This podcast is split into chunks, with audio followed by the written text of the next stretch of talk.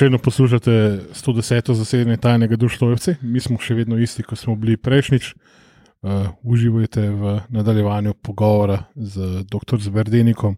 Verjamem, da boste vse to, kot smo mi. Po reprezentanci slovenski ste pa dubu priložnost voditi Avstrijo Dunaj. Ne Ja. sprav iz zeleno-belih navijoliča. Najbolj žal, da nisem uspel. Mislim, uspel, da bi lahko podaljšal pogodbo. Ne. Ja, profesor Reznar mi je omenil, da obstaja možnost, da Dunajska Avstrija išče trenerja, če sem za to, da bi me, da bi me poskusil prijaviti za mesto trenerja. Jaz sem bil seveda navdušen, jaz tu bi. Ne? In je on poklical predsednika kluba, ki je bil takrat tudi minister, zdi se mi, za promet. In profesor Reznar je imel izredno velik ugled, in ta je bil seveda vesel, da, da ga je profesor Reznar poklical, ampak je rekel, da sem lahko drugi na vrsti, zato ker so se že odločili za Nilešija. Ampak, če pa bi se karkoli dogodilo, da Nileši ne bi, bi pa prišel jaz lahko na vrsto. Nileš je bil pa mačarski nogometaš, On je bil reprezentant, zvezdnik, pač, eh, velik, ki je igral za Dunajsko Avstrijo. velik status je imel pri pri ja, Avstriji. Najboljših igralcev mm. v Dunajski Avstriji. In sem jaz nekako pozabil na to. No, čez pol leta pa me profesor Ezner pokliče in pravi, Avstrijci so se oglasili, Nilaši je odpovedal, zdaj se pa vi na vrsti, če želite prevzeti moštvo, ni najboljše, so v krizi, že zadnjem let, zadnjih letih menjujejo trenerje. Ker je prišlo do enega, do enega kriznega obdobja, ko je po smrti predsednika so prišli na oblast znotraj kluba ljudje, ki so razprodali najboljše igralce, pokupili za velik denar slabe igralce in enostavno so prišli v krizo, ker ni rešitve in so menjali trenerje že ne vem koliko. Zdaj pa, zato pa, ker je kriza, si dobil pa ti šanso. Jaz rekel, da bi, in, ampak je rekel, jutri moraš se pojaviti v, na stadionu, ker te bodo predstavili novinarjem in ker boš si lahko pogledal zadnjo tekmo v tem prvenstvu. In jaz se res drugi dan pojavim na stadionu, tam um, čakajo Nilašija, novinari uh, in zagledajo mene. Seveda niso, bili, niso me poznali, niti niso slišali za mene. In bili zelo razočarani, da sem prišel jaz. In potem je eden celo pravičil, da ne, ne mislim, da tako slabo o meni mislijo, ampak je pa res. Vse to, da ste premagali avstrijsko reprezentanco z slovensko reprezentanco, vse to vam nam je nekako vteho, da, da, da, da vas malo poznajo, ne, da, da, lahko se kaj, da, da, da ste dober trener. Ne. No, in potem pridem na stadion, kjer po zvočniku proglasijo novega trenerja novega direktorja kluba, to je bil Friedel Concilija, no in cel stadion žvižga. No, in na tak način sem jaz prišel v Avstrijo, na Dunajsko Avstrijo in tam potem začel svoje delo, s tem, da sem imel um, veliko željo, da bi nekaj naredil. Ne. Uh, v tem prostopu, v treningu sem šel v neke spremembe, malo sem slišal za Osima, za Osimov pristop. On je bil takrat v šturmu. On ne. je bil takrat že afirmiran, zelo afirmiran trener v Avstriji in imel tudi velike rezultate. Vedel sem, kaj trenira, na kak način. Malo sem tudi ga posnemal z tako imenovanimi igralnimi oblikami. No in po nekem določenem času je prišlo do, štartali smo srednje, malo zgubili, malo zmagali, ekipa ni bila dobra. Um, potem sem poskušal uh, reševati na kakršne koli druge načine, da bi to ekipo vred spravil. In pol pa pride do upora igralcev. Niso hoteli trenirati na Ja, ta in način. so ne. rekli, da bi radi predsednika kluba in mene, da smo za skupne sestanku, da oni eh, ne bi želeli tako trenirati. Približno tako kot tudi osim, to so pa, kot sem rekel, prej te znane igralne oblike, ki zahtevajo, da si nenehno koncentriran, da nenehno misliš. Mm, si, mentalni napor jim ni bil všeč. Napor, ni jim bilo všeč to, da morajo preveč razmišljati. In eh, Avstrijanci. oni bi radi tekli, tekli kroge, to, kar, je totalni nesmisel, ne, razen osnovne vzdržljivosti, ne razvijaš nič. Ne. Uh, druga stvar, udar je bil na gol, pa tudi brez, na obran, brez nasprotnih igralcev. In igrali na dva gola. Ne, to je bil za njihov trening. Aha, to je pa, Vse je bilo seveda skregano z mojim pristopom, ampak če sem hotel obstati, sem, more, sem mogel nekako malo pristati na to. Ne. In eh, sem potem malo začel to uveljavljati. Ni prišlo do nekih bistvenih sprememb v sami igri, ni prišlo do sprememb v smislu dviga na lestvici, mi smo bili peti na koncu in potem eh, niso z mano podaljšali pogodbe.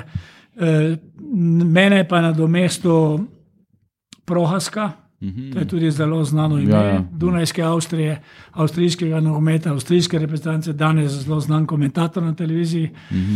Ne, ki je pa isto bil peti, pa isto je moral iti za mano.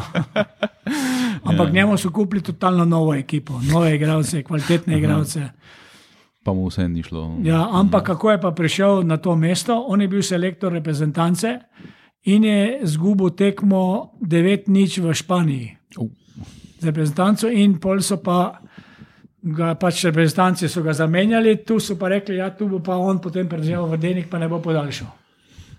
In jaz sem že naprej vedel, da ne bom, da, bo, da on bo prišel. Aha, to je bilo že vse. Ja, ja. To je bilo že zelo zmenjeno in je bilo konc. no, in On mi je pač takrat se malo, ni mi se upravičeval, glih, ker vemo vsi, kaj je to. Te pač vsak prije na situacijo, ko te zamenjajo, pa ko te nastavijo. Ne, je rekel, da mu je žal, ampak je pač to tako. Biznis je biznis. Ja, ja on prišel, se pravi, jaz, jaz mu nisem želel, da bi moral po enem letu iti, tudi on. Ampak tako je to. Ne. No, in pol, pa pridemo pa zdaj do tega um, dela vaše kariere, ki vas je verjetno najbolj zaznamoval. Ne? Uh, Ja, se pravi, Japonska. Ja. Japonska ne? in Jeff United.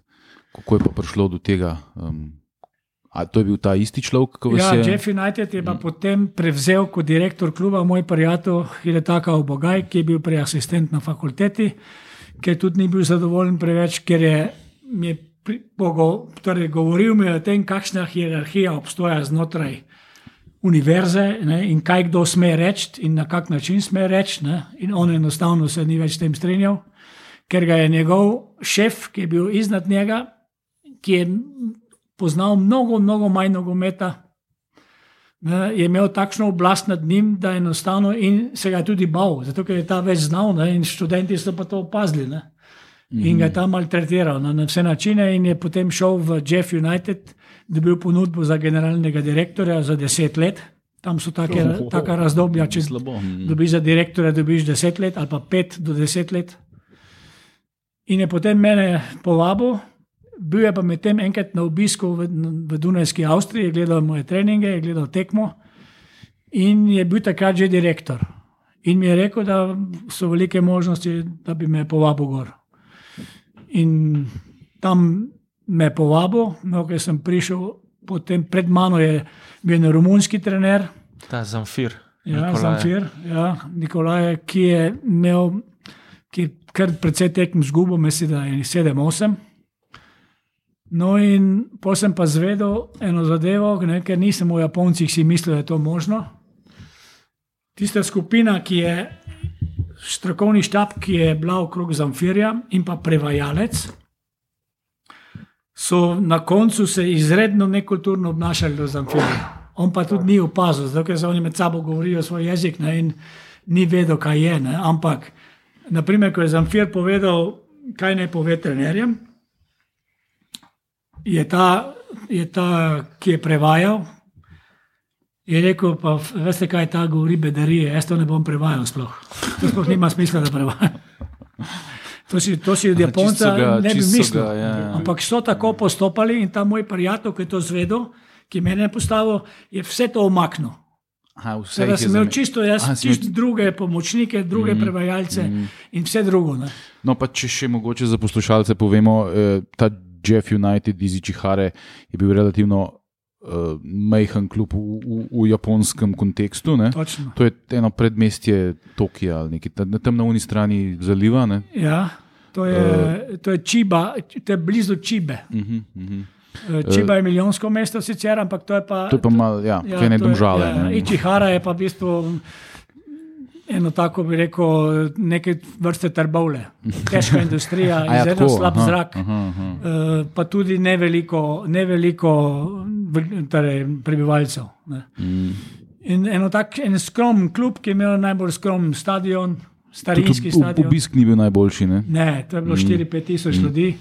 Uh, poleg tega so oni, tudi finančno so bili razmeroma slabi. Tam je bil budžet takrat v tistem času okrog 15 milijonov dolarjev.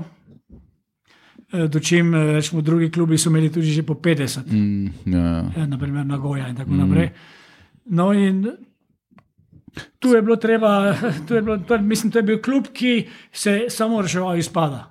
Vi ste prišli za zadnjih pet tekem, če se sp- Ja, jaz sem ne? v zadnjih pet tekem in je izredno malo manjkalo, da nismo izpadli. Mm, Ker smo zadnjo tekmo že izgubili, pa potem tam en klub, ki je isto izpadal kot mi, je vodil že 2-0, ampak proti prvemu na lestvici. In pol je bilo na koncu tam 3-2, mi smo pa, mi smo pa pol, tu so pa igrali tako, da če si bil neodločen, mi smo pa 2-2, hmm. oni so tudi vodili 2-0, pa mi na 2-2, potem pa igrajo do, do gola. Zlati gol so imenovali. In tisti, ki je dal gol, je bilo konc. Ne? In tisti gol smo mi dali na srečo. Pa ste obstali. ja. No, in potem sem pa uh, naslednjo sezono pa poklical, pridobil Milinoviča, ki je bil velika okrepitev. že takrat je Pridobil reprezentant. Slovenije. Pridobil Mujčina, pa dobil sem tega enega glavnega streljca, tu pa je Jeff segel globoko v žep in je vzel glavnega streljca uh, Korejske lige. Mhm.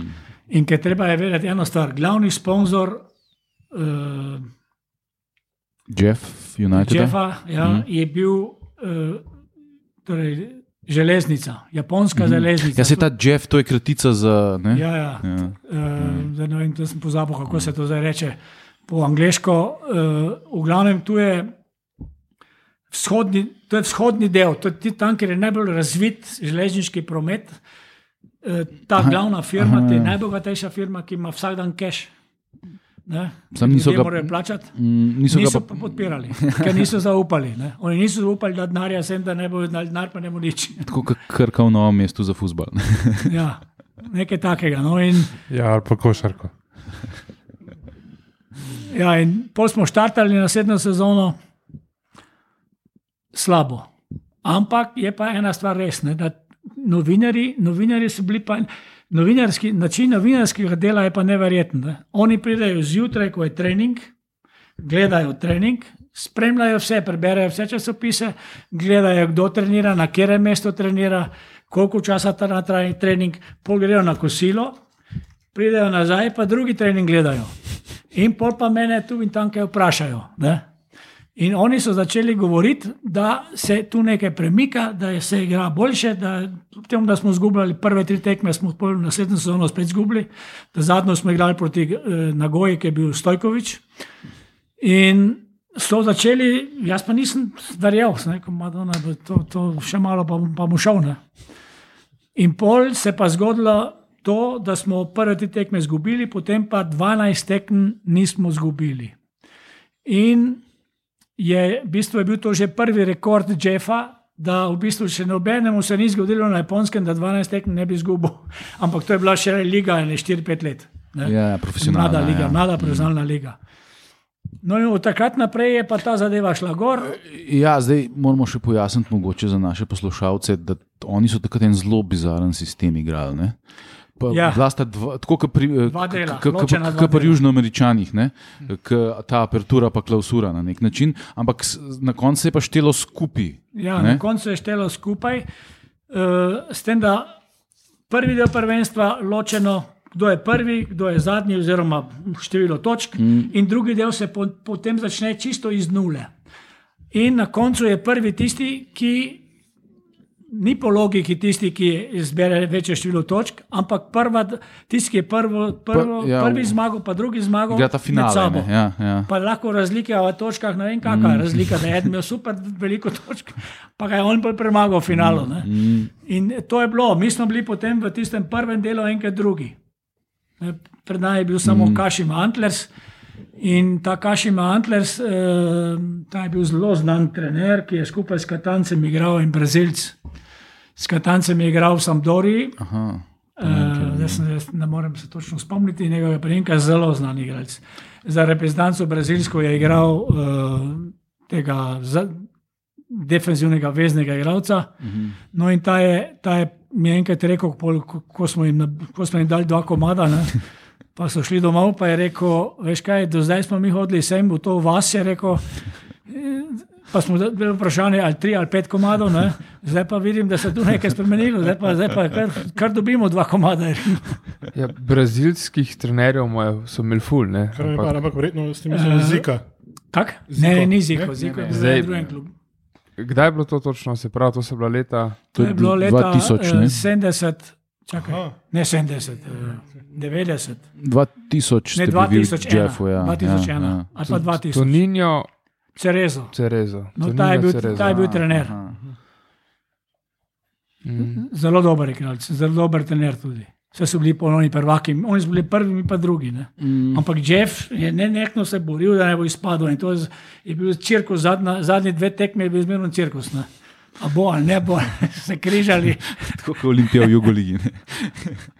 um, Ja, in pol v drugem delu prvenstva je bilo malo slabše, ampak smo bili peti, teda v skupnem smo bili tretji, ne, kar je za ta klub.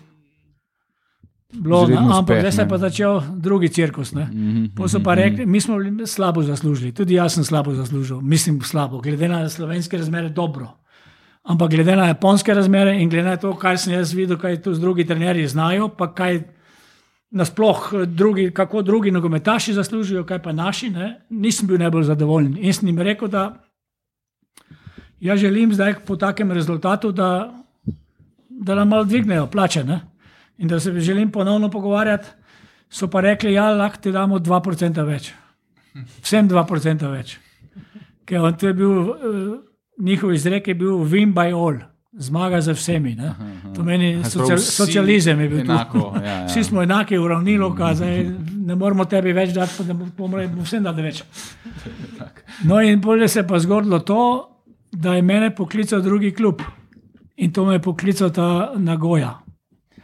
Njihov, njihov agent me je poklical, če bi jaz bil pripravljen v novi sezoni jih ukrepiti. Sem rekel, ja, jaz imam tu pogodbo, poteče mi zdaj čez en mesec in sem pa se pripravljen pogovarjati. Ja. In so pa rekli, no pa pridite na razgovor, jaz pridem na razgovor. In zdaj sem jaz razmišljal, seveda, tu sem veliko naredil, tu smo zdaj na koncu tretji, e, tu se dobro počutim, razumemo se dobro, plačan sem dobro, ampak ne najbolj, ampak dobro. No, in v bistvu nimam razloga, da bi jaz tu šel, ker me želijo, da ostanem. Pol pa sem rekel, zdaj pa že, že to tako, da me ponujajo, bom pa udaril cifro tako, da, da boš zamižali. Da boste res videli, če vas želijo imeti. Ja, če me res želijo, ne, pa sem pa res udaril enkrat, več kot enkrat in pol več. In oni so mirno rekli, ja. Pa se je bilo težje pog- pogajati z zidarjem, kot z Japonci. A, ja, z Japonci se ni bilo težko, tu, v Jeffu se je bilo, Aha, mi je tudi ja, ja. oni tam rekel. Ko, sem, ko so mi rekli, da 2% več, sem rekel, čakajte malo, kaj je 2%, to se To še za pozna. inflacijo ni. ne. In posne razloge dajo, zakaj bi bilo treba dvigniti in tako naprej, ne, in v katero smer gremo in kaj razvijamo, kako igro. In pol mi je on rekel, ja, vi ste pa dober, dober, pre- dober, dobro se pogovarjate, pravi, ne, dobro pregovarjate. Me pohvalo, no. Tu pa so oni na vse pristali, ne. Se pravi, kot ste rekli, to Ja. je bilo. In, In pol sem jaz, ampak dobro, vem, da so eni imeli še več v tem klubu, naprimer Ja. Stojkovič, ampak to so bile imena. mm, Pol je bila pa zadeva taka, ne. pol pa pridem nazaj, nisem nobenemu nič povedal, tudi mojemu prijatelju, ne, ki je bil direktor kluba, uh -huh, ki je mene sprejel. seveda, ja. To je bila moja največja napaka. Ne. In tu se je začelo, da, da mene po neki plati niso več Japonci ravno preveč obrajtali. Uh, me pokličejo v klub, pa pravijo, veste kaj, mi bi se pogovarjali z vami, da bi podaljšali, ne, ampak spet 2%. Sem rekel, ja, jaz nisem za to, jaz vam moram povedati, da sem dobil eno ponudbo. So pa rekli, ne, to se pa ne sme, ne sme se ti pogovarjati z drugimi, pa nisi tu rešil. No, ampak, Pa sem, oni, sem so, oni so vam pol ponudili dejansko tudi več, ne, a niso. A tele, ja, se bom, mm. do tega še pridem. Pol pa, pol pa me kličejo spet iz Nagoje, pravi, zdaj pa povejte, a boste prišli ali ne boste prišli, pridite podpisati pogodbo, kajti drugače mi iščemo drugega. Mm -hmm. Tu pa v, na, v Jeffu pa zadeva ni bila jasna, ali bi ali ne bi. Ne. Potem sem pa jaz šel gor In druga napaka moja, podpisal pogodbo Za nagojo. Ne? za nagojo, imel papir, vse je v redu, čez, čez par mesecev, torej bilo je do konca prvenstva še en mesec, ena ali dve tekmi. Ne, bilo je že konc prvenstva, pokalne tekme, tam imajo zadnji, zadnji termine, imajo pokal, decembra imajo pokal. In pridem jaz domov, pa me, pravi, pa me pa oni pokličejo, pa pravijo, uh, ja, prej so mi rekli, če 14 dni se dobimo, kljub vsemu. Čeprav ne bomo plačali več, ampak dobimo se. In mi se dobimo. In vidim na mizi so sendviči, pa prigrizki, pa, pa šampanjci. Mi je bilo malo sumljivo, Sem rekel, tu pa, pa naj če boš prišel živ. In enostavno mi rečejo, veste kaj, mi smo ugotovili, da imate vi velike zasluge za to, da imamo mi dober rezultat. Pa smo vzeli iz enega drugega predalčka denar, pa mu dali to za vas. Bomo pa vzeli iz enega tretjega predalčka. to, to so oni rabili dva meseca, da so to pogruntali. Ne? No, in jaz sem pa so pa rekli, mi bomo podpisali pogodbo, dali vam bomo enkrat večjo plačo, kot imate zdaj. In smo zadovoljni z vami, in lahko podpišemo zdaj pogodbo. Jaz bi rekel, veste kaj, zdaj ne bi podpisal, ampak bomo pa jutri, zdaj pa lahko malo se poveselimo, pa malo spijemo, malo pojemo. Ne? In med tem časom jaz potem pokličem tega mojega prijatelja, direktorja kluba in mu povem, da imam jaz drugo pogodbo, on se za glavo prijel. In je povedal temu svojemu nadrejenemu, ki je bil glavni v klubu, predsedniku, ko on zve, pride k meni, pravi, od danes naprej niste več naš član, še eno plačo dobite, ne pojavljate se več v klubu, tega niste smeli napraviti. In jaz enostavno pol nisem vedel, kaj več bi, sem bil v stanovanju, ven tu nisem hodil, potem je bila pa cirkus v časopisu, ker so te naši dali to v časopis, da je to ne fair, prvič ne fair od mene, drugič ne fair od onega kluba, ki ve, da sem jaz še zmeraj v prvem klubu in da ne sme komunicirati. In pol sem jaz poklical te v nagojo, sem rekel, "A lahko pridem kaj k vam gor, rekel, samo ne hote, da vas ne vidijo tu. Ne smejo vas videti. Pol sem bil pa zaprt nota 14 dni v, v stanovanju in sem to knjigo napisal. Isto le knjigo, sem si vse te treninge moje, ki sem jih delal, sem si dal na kup. In sem lepo to ste delal, od jutra do večera sem delal in sem pol nekaj koristnega naredil. Ne. In tako je to bilo. No, ampak uh, smo se že pogovarjali o tem prej na pijači. Ne? In ko ste vi prišli na Japonsko, ko ste bili na Japonskem, je bilo to ne napisano pravilo, ne? da se ja, ne smete pogovarjati. pa, so pa to sprejeli v okviru nogometne zveze kot pravilo, da dokler imaš ti pogodbo z moštvom, ki ga, ki, s katerim delaš, ne smeš kontaktirati z ne- nekim drugim moštvom. To je pa Z namenom, da greš tja. kot Bosmanova, tako kot Bosmanova, samo da je to Verdenikovo Ja, pravilo. ja. No, in jaz sem tukaj še ena stvar. Ne? Jaz sem bil tukaj proglašen za najboljšega tujega trenerja. In tisti, ki je za to proglašen, ima potem uh, zasluge, da lahko vodi uh, najboljše tujce znotraj japonske lige proti najboljšim Japoncem, to pomeni proti japonski reprezentanci. Neka All Stars tekma. Ja, All Star tekma in to sem jaz vodil, s tem, da je bila en zvezdnik, ki sem ga spet pozabil, iz Italije, zelo velik zvezdnik, eh, Črnc je bil, zelo znan igralec. So ga poklicali gor, zmerno kakega gosta pokličajo. Zelo ga plačajo, fejs, ne, ampak to je potem za publiko, za te. No, in mi smo jih premagali 4 proti 1, japonsko reprezentanco z najboljšimi Brazilci, z najboljšimi. Tu je potem tudi, tudi igral Milinovič in, in tudi Mujčinja. Aha, oba sta bila. Oba dva sta igrala. Mm. Aha, to, t, kljub temu, da ste bili na črni listi, Ne, ne, so, vam, so vam dovolili. To ne, to, to je bilo prej. Aha, to je bilo še To pred. je bilo na polovici prvenstva. Takrat, ko so Aha, bili drugi, aha, ko je bil prvi, prvi aha. del prvenstva končan, takrat je ta tekma. Potem ja, tako. drugi del aha, prvenstva. Aha, aha. In že na osnovi takrat sem jaz bil proglašen za najboljšega tujega Ja, ja, ja. trenerja in sem lahko to tekmo Mm. vodil.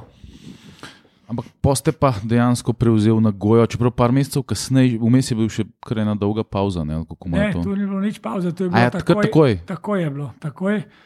Sem prišel v Nagojo, to je bil pa, bi rekel, navzven, ko ga vidiš, zelo organiziran klub, ampak mnogo slabši medčloveški odnosi, kot so bili v Jeffu. Mhm. Uh, zakompliciran klub, um, mnogo več denarja. Ljudje, ki so vodili klub, niso imeli veliko, veliko pojma o nogometu kot takem, to so bili ljudje iz tovarne Toyota. In jaz sem se že takoj razmeroma hitro slabo začel počutiti, ker nisem imel prave komunikacije, nisem mogel prav zaupati. Uh, tam, sem imel, tam sem imel tudi oba dva moja prevajalca, ki sta študirala pri nas nogomet, oba Japonca. Teda po tej plati je bilo kar v redu, tudi pomočnik trenerja, drugi je bil zelo dober, v redu. Ampak eh, rezultati niso bili ne vem kaj. Res pa je, da smo bili spet tretji v tistem prvem delu, tretji.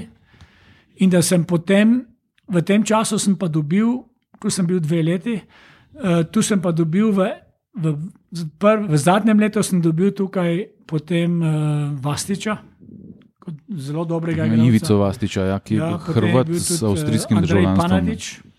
A tak, je bil pol trener v Velenju, ne tako blazno dolgo nazaj. Ja. Iz Hamburga prišel, to so Ja, bili je- zelo dobra oba dva igralca. In, in tu je nastopil en drugi konflikt. Zopet se pravim, kjerkoli sem bil v klubu, zmeraj sem imel neke, neke. Tu je bilo pa zadeva v tem, da je bil Vastič dober igralec, publika ga je imela rada, on se je dobro počutil, tudi vredno zaslužil, družina je bila zadovoljna, otroci v šoli, v angliški šoli, in je bilo samo vprašanje časa, kdaj bo podaljšal. In jaz sem takoj bil za to, da se podaljša, oni najprej rekli ja, potem pa naenkrat ne. Sem rekel, zakaj pa ne? Ja, on je že malo prestar, pa mi imamo tu za enega Brazilca, ki je v širšem, v širšem krogu reprezentance. In uh, brazilske reprezentance, in on je boljši. Rekel, ja, čakajte malo, jaz ne rabim boljšega. Mi ne rabimo benga igralca, ki je, dober. Koliko je pa odškodnina? Ja, okrog 2 milijona. Rekel, čakajte malo, mi iščemo igralca, ki ga ne rabimo, pa plačamo 2 milijona odškodnine. Kdo je zdaj tu nor? Sprav tle se je šlo za nekaj. In so rekli, ja, ja, vse to ni problem. Rekel, veste kaj, kaj pa oni delavci, ki tam v tovarni delajo, zato da lahko vi ta denar trošite, trošite ga pa brez veze. In ni- ni bilo, veš, to nisem smel reči. Nisem smel reči.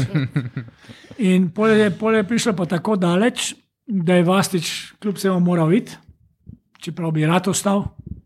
Meni je bilo strašno žal, pa igralcem je bilo žal, so ga imeli radi, publika ga je imela rada. In pride zdaj novi Brazilc. Ta Brazilc je bil pa, da je kako se je pisal, sem malo pozabil, se ima eh, veliko Brazilcev sreča s tem priimkom. In on je bil dober face fund, dober igralec, podoben naprimer uh, Luki Zahoviču. Okrog 16 izredno navaren, drugače pa manj viden, manj, manj gibljiv, manj. In je to bilo treba zmerno mu 16 priti, da je lahko on kaj naredil. Ne? In ob tem sem jaz imel pa v klubu še enega drugega Brazilca, ki je bil pa zelo hiter. Zelo hiter, uh, temen tudi, črnc, ki pa nikakor ni mogel prenesti, vas, Vastič je tudi zaradi tega mogel iti. Ne, ker ga ta ni maral preveč, ker je Vastič bil boljši nogometaš, bolj nevaren za gol. Ampak Vastič, je, če je bil v situaciji, naprimer, nekdo boljši, je podal žogo, ta pa ni podal.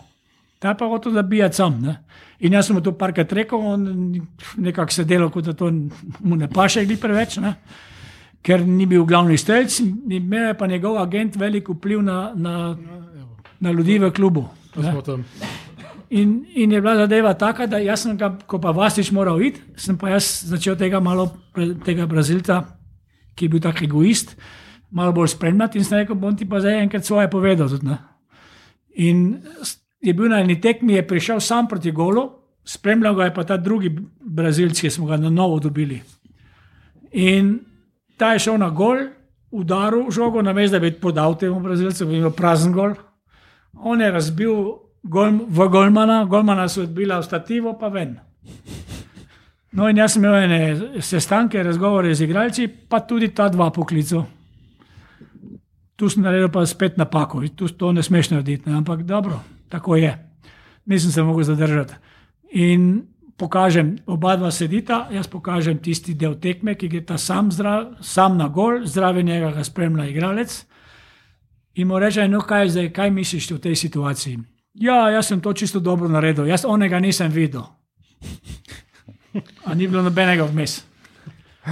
Sem rekel, veš kaj, zdaj, zdaj, pa, ta, to, zdaj pa je to tako, ne? ali si butl, da nisi videl, to samo butl ne vidi, ali si pa egoist, da nočeš videti.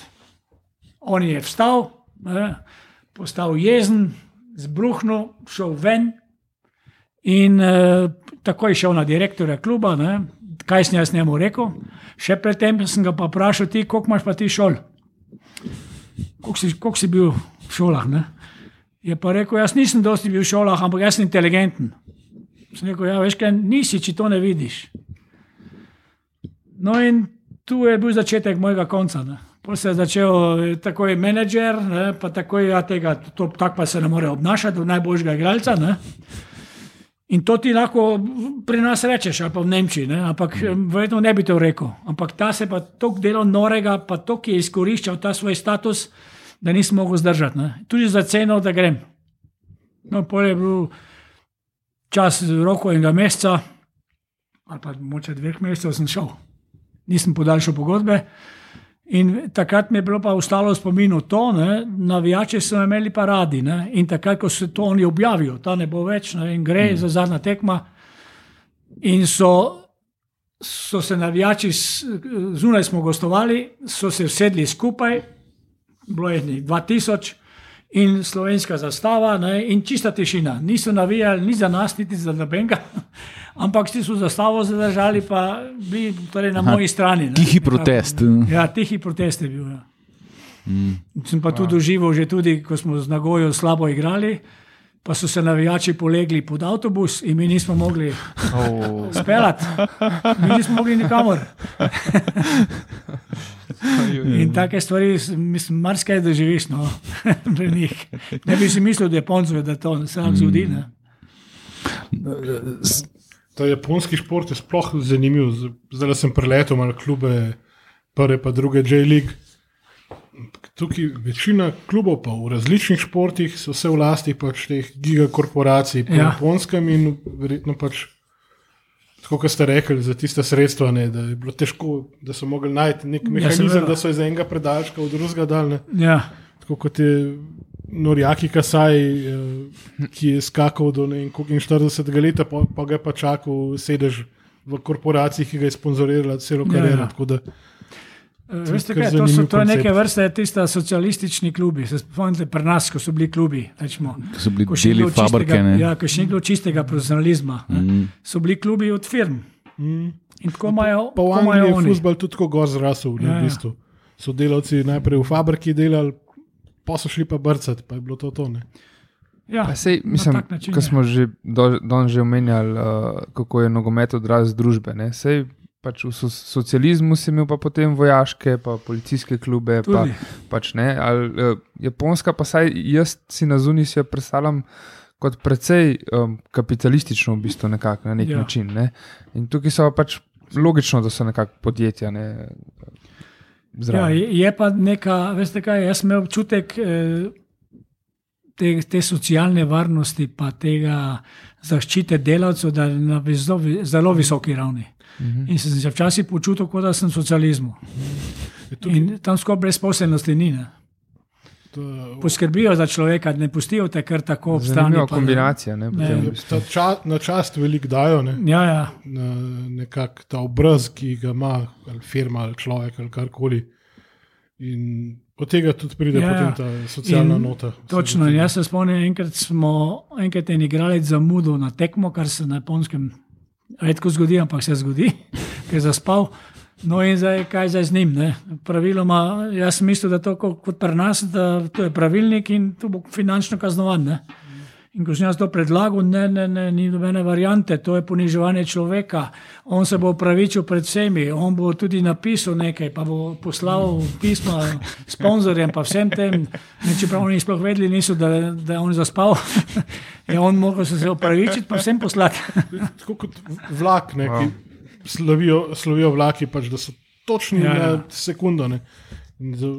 Če minimalna zamuda, par sekund, je v bistvu že korporacija potem izdal pravičilo delavcem in šolarjem in vsem, da bojo malo ja. zamudili. Mm. Pač ene zadeve so tam, tako kot piše, tako mora biti in se tega res držijo. Ja. Ampak zdaj, koliko jaz v glavu preračunam, 2002 ste bili vi v Nagoji, se Ja. takrat, ko je bilo svetovno prvenstvo. Tudi, Ja, ne? vse sem gor, eh, ko so naši prišli gor, sem, jih, sem bil z njimi, uh Mhm. -huh. ker so oni trenirali nekaj malega celo v Nagoji. A, je? Ja, pa so šli pa v Korejo Korejo. Ne, ja. trenirati. Ja. No, sej, eh, Katanca ste vi v bistvu glih zgrešili v Olimpiji, takrat 84, zakaj on je pobegnil v vojsko, ker ni hotel v drugi ligi igrati. da, Možno, ja, Ja, ja točno da- ne vem. ja, tako da ste uh, drugače. Mm, Ja, zdaj, nis, nismo bila skupaj nikoli, razen uh, kot selektor in bolj kot mm. Mhm. on igral. On je pa v bistvu z Italijo med zadnjo tekmo se poslovil. mhm. Ja, ja, ja takrat, a točno, seveda. Ja, ja, ja. Mm. No, pol ste pa uh, en drugoligaški klub prevzel. Ne? Zdaj galta, sendaj. E, ne. To je bil prvi ligaški klub, s katerim smo pa izpadli. Ampak to je bila pa Aha, tako je zadeva bilo. taka, da je bilo šest tekem do konca. Ne, to je bila pa tudi zgodba, ampak če to zgodbo povem, pa bodo mislili naši poslušalci, da, me, da sem samo mednar zanima. Ker tu lahko samo eno stvar povem, da pri Japoncih, če te želijo, bodo oni sicer v začetku zelo nizko vse postavili. Ne? Ampak na koncu bodo pa čisto vse sprejeli kaj jim boš postavil, ne? če te hočejo. Če te pa nočejo, pa niti 100 evrov ne bo več. Če boš postavil zahtevo, plači 100 evrov več. Ja, to, te, te zakonitosti moraš vedeti. Se naučil, zdaj pa njih. Ja. Za, v bistvu, če te hočejo, ampak zdaj mene nočijo več. Ne? Ja, to, je bilo, to je bila pol ta. Jaz sem bil potem na morju in sem dobil klic iz Japonske, od tega enega mojega eh, študenta, ki je bil pomočnik, da me en klub želi in tako naprej. In če se želim pogovarjati. In sem se potem rekel, ja, bom, čeprav nisem imel več želje, da bi, ker, ker to je bilo en mesec dni po tistem, ko sem šel. Pa smo se dobili na Dunaju, na Dunaju v enem japonskem hotelu, tudi mislim, od Ane, tudi tam smo imeli celo nastropje, so vzeli. In so seveda želeli postaviti vse nizko, nizke pogoje, neko veste kaj. Jaz sem imel na goji to. Ne? Nagoja pa najbogatejši klub. S, tem sem jim vse povedal, ne? in pol so oni čez, so pa klicali gor na Japonsko, ja, vrdenik hoče to, pa hoče to, pa hoče to. Oni so mogli najprej na vse pristati, pol so ti rekli, ja, v redu, no in na koncu so vse pristali. Pol sem pa jaz rekel, jaz pa ne bi. je bil spet šok. Ne, meni pa nekaj bližje rekel, zakaj bi se zdaj spet mučil, pa spet tam gor, pa spet bom spet te drugačne razmere, pa spet te problemi glede razlage, razumevanja in tako naprej. Ne bi, ne. Denar pa je isti kot na goji. Grem domov, ko pa se ženo peleva domov z avtom, pa razmišljam, "E pa zakaj bi pa jaz to pustil. Se, se, v bistvu nikoli ne vem, ali bom še dobo kak klub ali ne, denarja nekaj imam, ampak zmerom je dobro, če imaš tudi kako, za, kako, kako rezervo. Pridem domov, pa jih pokličem nazaj, da sem si premislil. In so oni rekli, v redu, mi smo sicer že enega drugega vzeli, ampak še nismo objavili. Bo Pa on zdaj direktor, bil te pa trener. No in potem sem na tak način prišel gor in je bilo do konca še sedem tekem, tu pa nisem uspel rešiti. Tu Pa nisem uspel rešiti, ker sem jaz, no to mi je, to je bilo tisto, zakaj sem jaz rekel ne, ker imam male šanse, da ostanem v ligi. Ne, in, uh, pol nismo ostali v ligi, čeprav smo bili zelo blizu. Zadnji tekmo smo izpadli. No, in tu je pa pol bil naslednji fenomen, ki kaže na to, kako so ti klubi organizirani, kakšno je poznavanje stroke.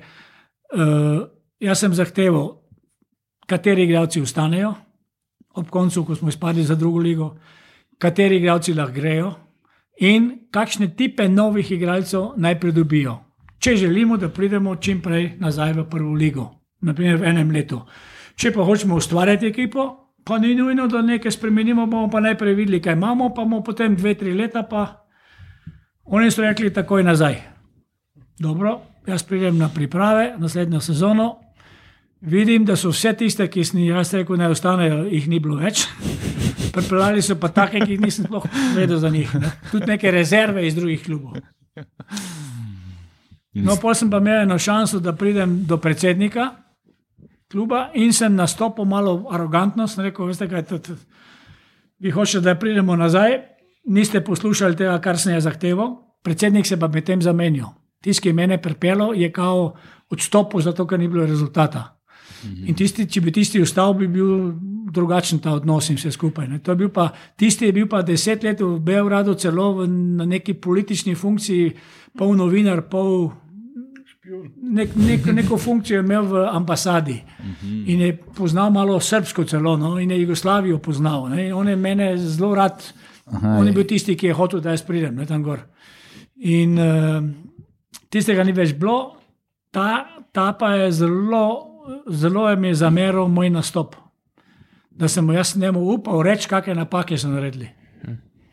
In me je enostavno ignoriral že. On ni več hotel z mano nič in je že mene imel na spisku, da ko bo konc, da, se, da, da me ni več. In mi se nismo, mi smo sicer slabo štartali, ker predtem sem jaz to reč spravo, pa to organiziral, no, polje je pa ta začela, začela iti, smo bili pa na koncu četrti ali smo bili peti. No in to, to, to, to pomeni, da se nismo vrnili, in jaz nisem podaljšal pogodbe, in je bilo, sem prišel. Mm. To je bilo drugo ligaško moje izkušnje v- na japonskem. Se, k- a, a je pa ta dra, je drastična razlika med prvo in drugo japonsko ligo?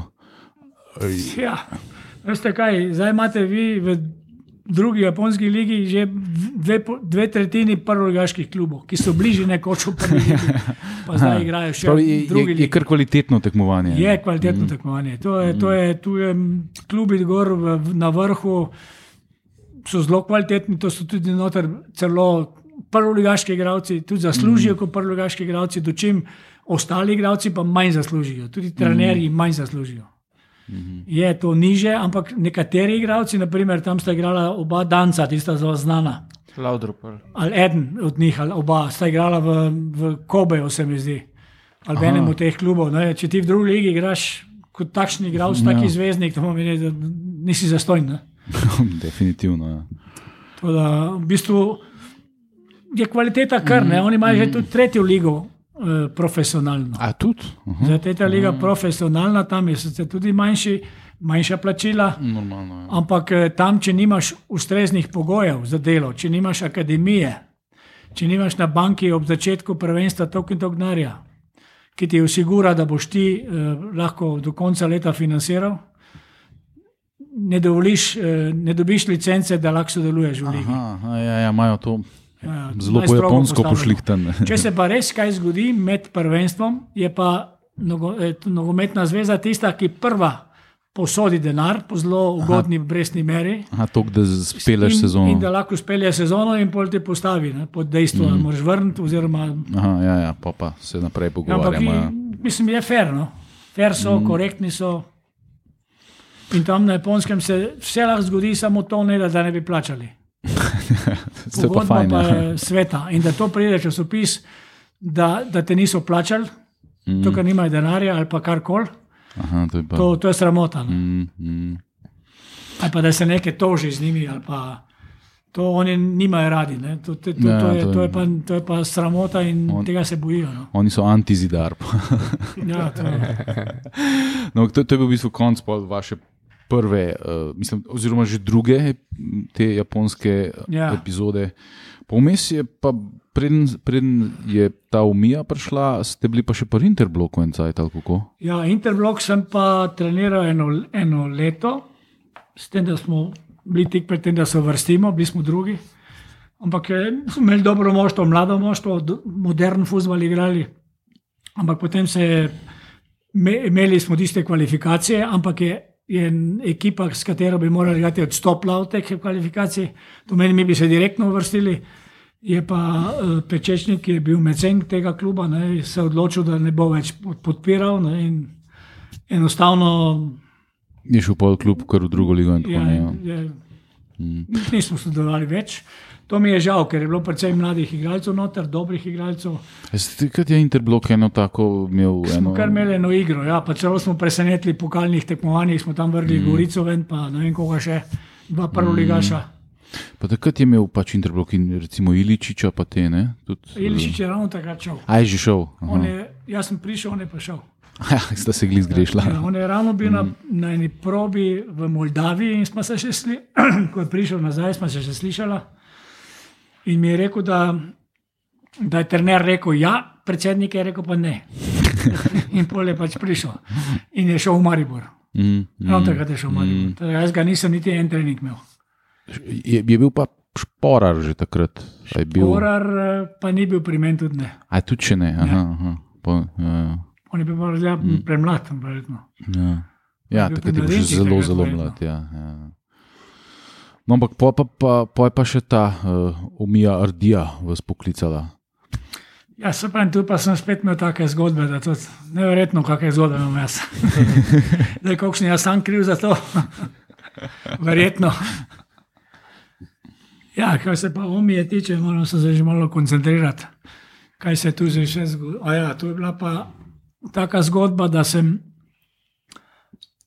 prišel jaz gor na ta način, tu me je pa pomagal Čibej, ki je, ki je neke vrst agent, tudi z Japonci, ima dobre povezave. V bistvu sem ga po- mu jaz omogočil, odprl vrata z nekaterimi ljudmi, ki so, mu, ki so ga pol up- upeljali v klube in je na ta način kar nekaj teh transferjev naredil, tudi Vastiča, tudi Panadiča, potem eh, Novakoviča, eh, Zlatana, Ljubljankiča.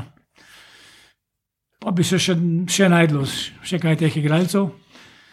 In pol vam je vrnil uslugo, tako da vam je Ja, on. na ta način mi je on mm, vrnil zadevo, s, s tem, da sem pa prišel na tako gor, da sem jaz sedem let sem imel pauzo. V tem, v tem času sem imel interblok, pol sem bil pa na šolanju trenerjev samo še. No in Japonci so, so sicer za mene, poznali so me, ne, kakorkoli, ne, če ne tudi po slabem, ker sem, ker sem tam zbrisal z danega kluba. in me ta pred, eh, sem, torej sem prišel v en klub, Kofu, to je drugoligaški klub, kjer je direktor kluba bil do nedavnega deset let direktor v Omi Ardi. Ampak potem je prišlo do nekaj, oni imajo neverjetno, kako se radi oni skregajo. In to skregajo se klani, to se grupe proti grupi. In pol ena grupa pač tu krajšo potegne, pa mora iti, in ta je mogel iti in je šel v Kofu. Kofu pa drugoligaški klub, to je čisto center, bolj center japonske ne moreš dobiti kot to. In tu tipično samo Japon, japonski način življenja in tako naprej. In mene so prosili, da naj bom tri mesece tam v akademiji in naj delam z njihovimi trenerji v akademiji, a istočasno čakam, da bom dobil nek klub. Če, tam, če si tam blizu, lahko hitro, hitro Uskočiš. Hitro ne. skočiš. In jaz sem rekel, dobro, ajde, če ni druge metode, bom pač tudi to, da vidim, če je to to. Ne. In pol se je res zgodilo, da je pa tale v, direktor kluba v Omi, ne v Omi, v Kofu, ki je bil prej v Omi, je imel še izredno močen vpliv na Omijo. In je delal vse, da bi tam tiste, tiste razbil, ne, v bistvu. Aha, aha. Ne, da, ne, da ne bi imeli rezultata. Ne. Njemu je vse, kar je bilo slabo za Omijo, je bilo njemu dobro, in če bo tam slabo, bi mene spravili tja. Ne, mislim, da jaz govorim o zadevah, ki moče ne bi smel, ampak da boste vedeli, kako to funkcionira. Politika. In se je res tako zgodilo. Eh, Dva ali tri dni prej, predno sem jaz mogel iti nazaj z avionom v Slovenijo, so zamenjali trenerja. In jaz sem pol tam tisto ekipo prevzel. Ta ekipa je bila zelo nizko in uh, bilo je seveda treba rešiti, da ne bi izpadli. Jaz sem prevzel na polovici prvenstva. Uh, to je tam nekje junija, 1. junija. In štart je bil zelo slab. Od desetih tekem sem šest tekem izgubil, dve tekmi zmagal, dva neodločena. Ampak jaz sem imel tudi dve, dva cilja in mi je nekako zadeva poklopila. Prvi cilj je bil, da moram vsako tekmo čim boljše odigrati, pa čim boljši rezultat. V procesu treninga odpravljati slabosti, a istočasno delati na igri, ki, ki bo meni nosila rezultat kasneje. To pomeni, tisti čas, ki je potreben, da se igra, do igre pride, na tem delati in delati direktno od tekme do tekme. Oboje in dolgoročno ja, in kratkoročno. Ja, točno. In meni se je na srečo poklopilo tako, da se mi je od tistih desetih tekm naprej, in to je bila zadnja tekma, prva tekma, že ki sem igral proti Petroviču, proti Recu Ravi, to je bil močen klub. Uja, ti so poznani. Ja. Je bil Petrovič veliko boljši, stative, ne vem kaj, Novakovič izključen in ena proti ena. Od takrat naprej 21 tekem nismo izgubili. In smo 12 eh, tekem zmagali, 9 tekem neodločeno. Ne, in to je bil pa bum. Ker ti za ekipo, ki se je preko me rešila in ki so jo tudi takrat eh, novinarji, so nas imeli za glavne kandidate za izpad. In smo darili res bum. Z moderno igro, z sodobnim pristopom, dali največ golov. Eh, prvi del prvenstva, končali s petimi točkami, prvi.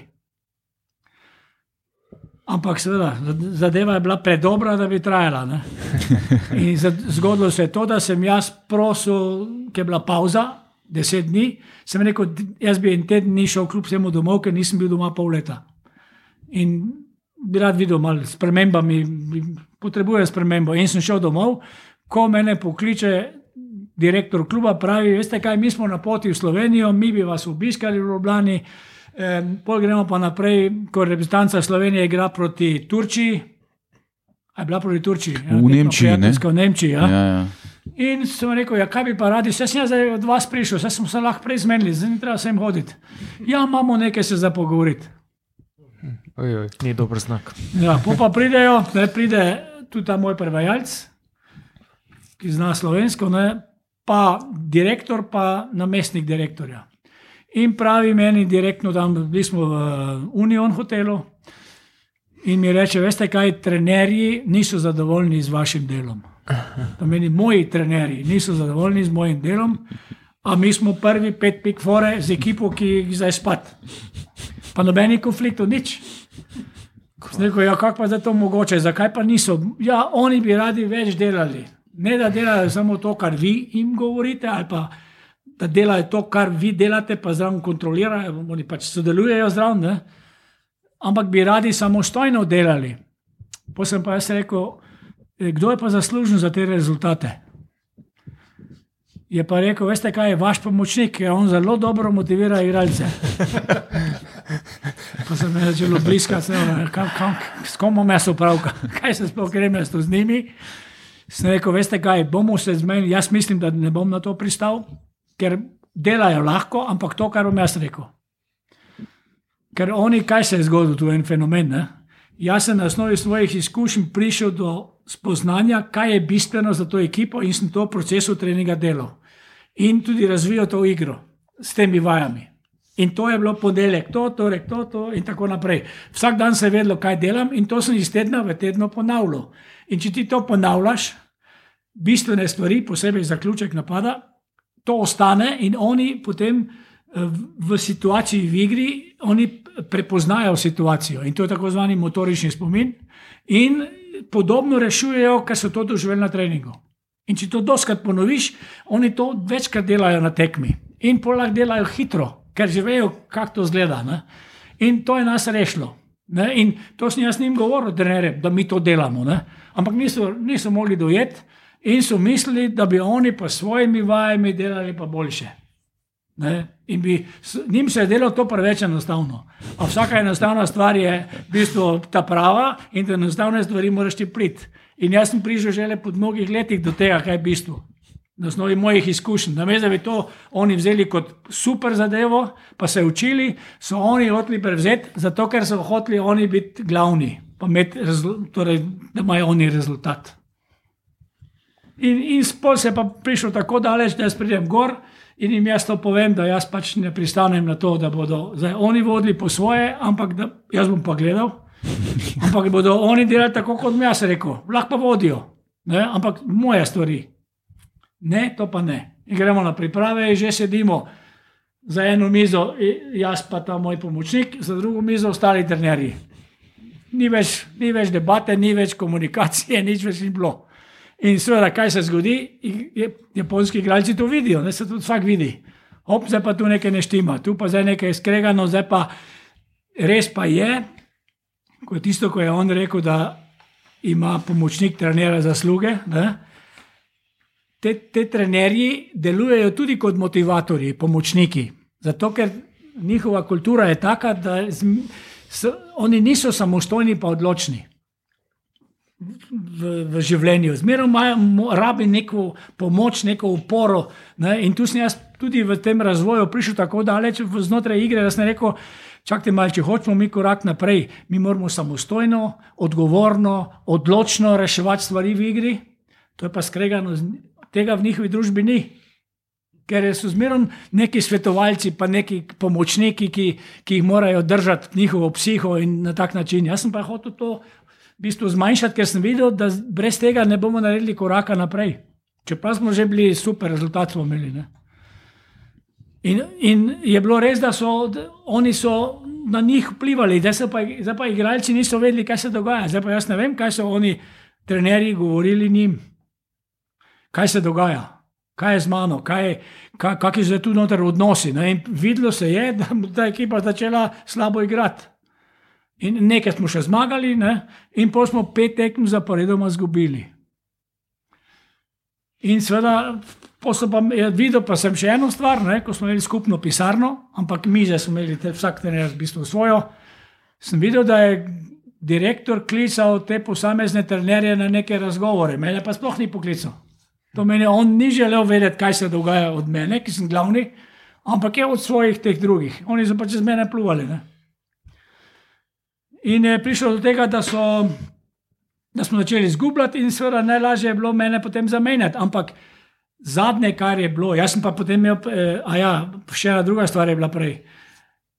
Uh, Vmes, ko smo že dve tekmi, ti tekmi izgubili, so ali pa eno, dve, so prišli tudi do mene in so mi rekli, da če jaz najlepše bi bilo, da jaz sam grem. Ne?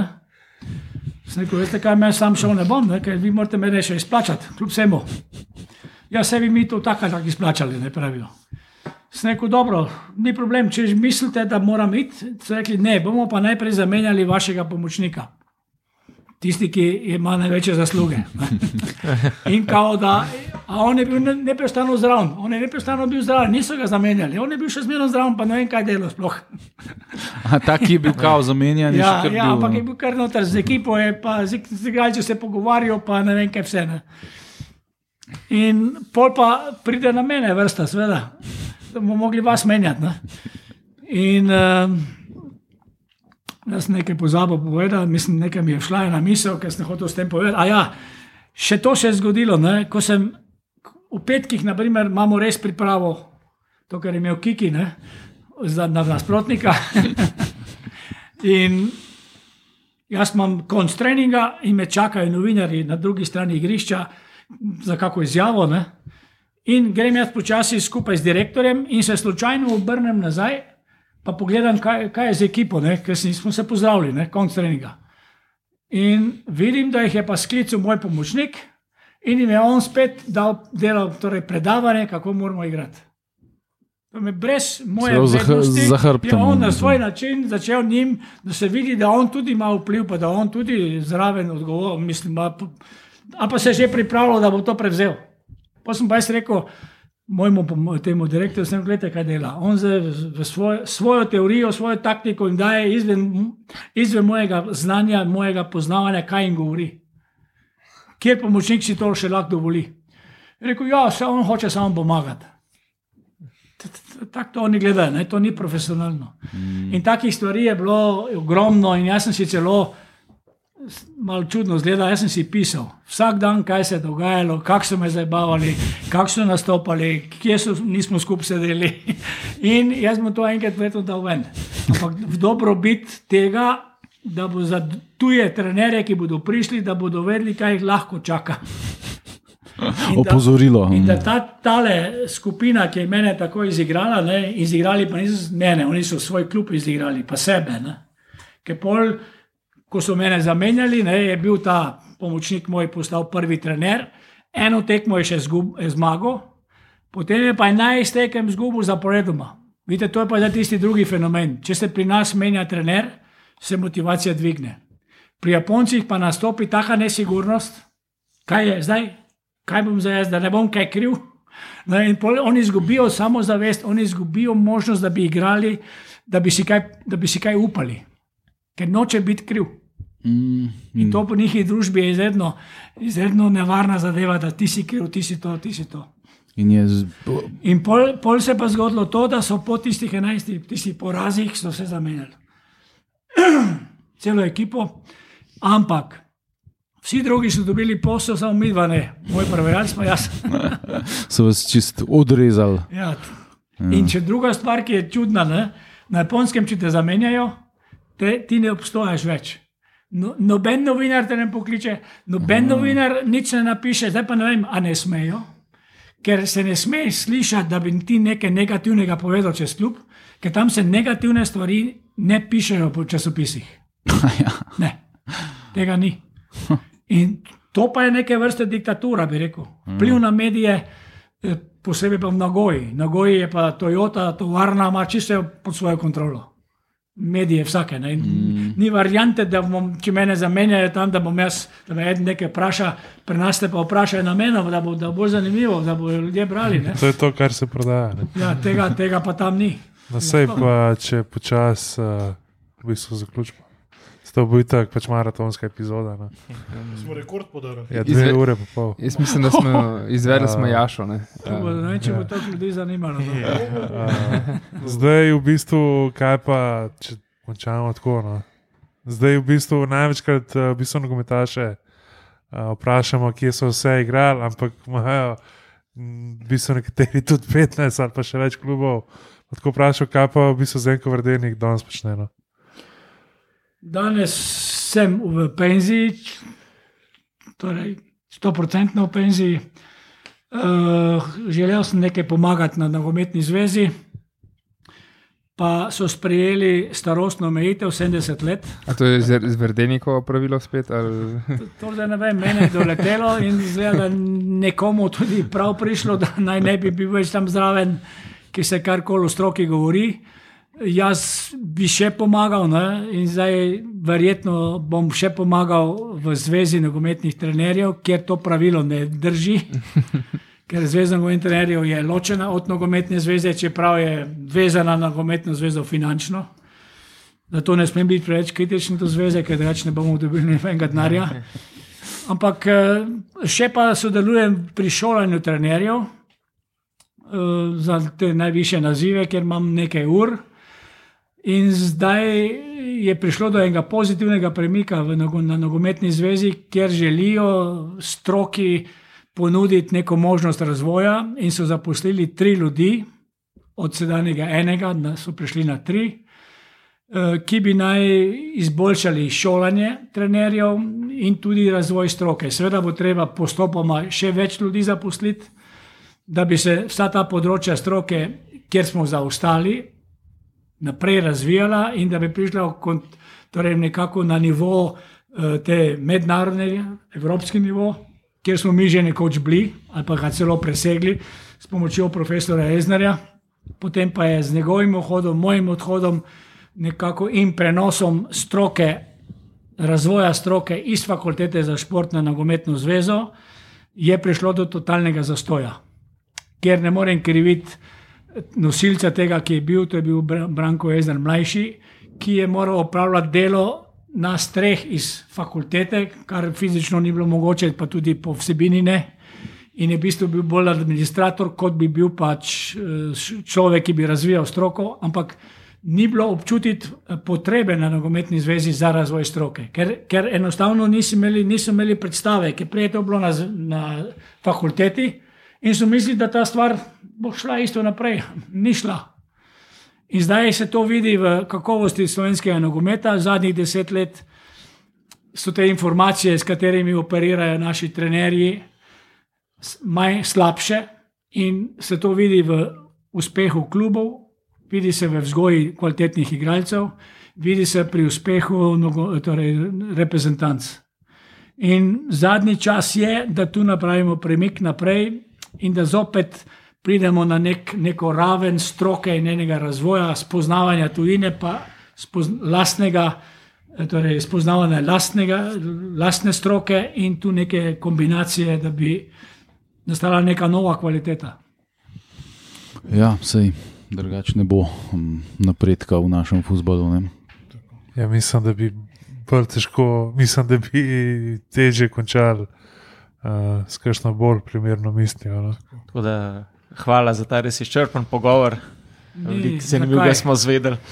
Jaz sem se malo sprostil, mogoče včasih malo preveč povedal, ampak No, lejte, naj ljudje vejo, kako to izgleda. Glih to, glih to je bistvo naših eh, podkastov. Sem, uh, kondicije imate več kot kakšni mlajši futbaleri, ki smo jih gostili. Hvala. In Ni da- zakaj. Da slovenski nogomet in stroka pridete na raven, da bomo vsi lahko spet ponosni na to. Točno to.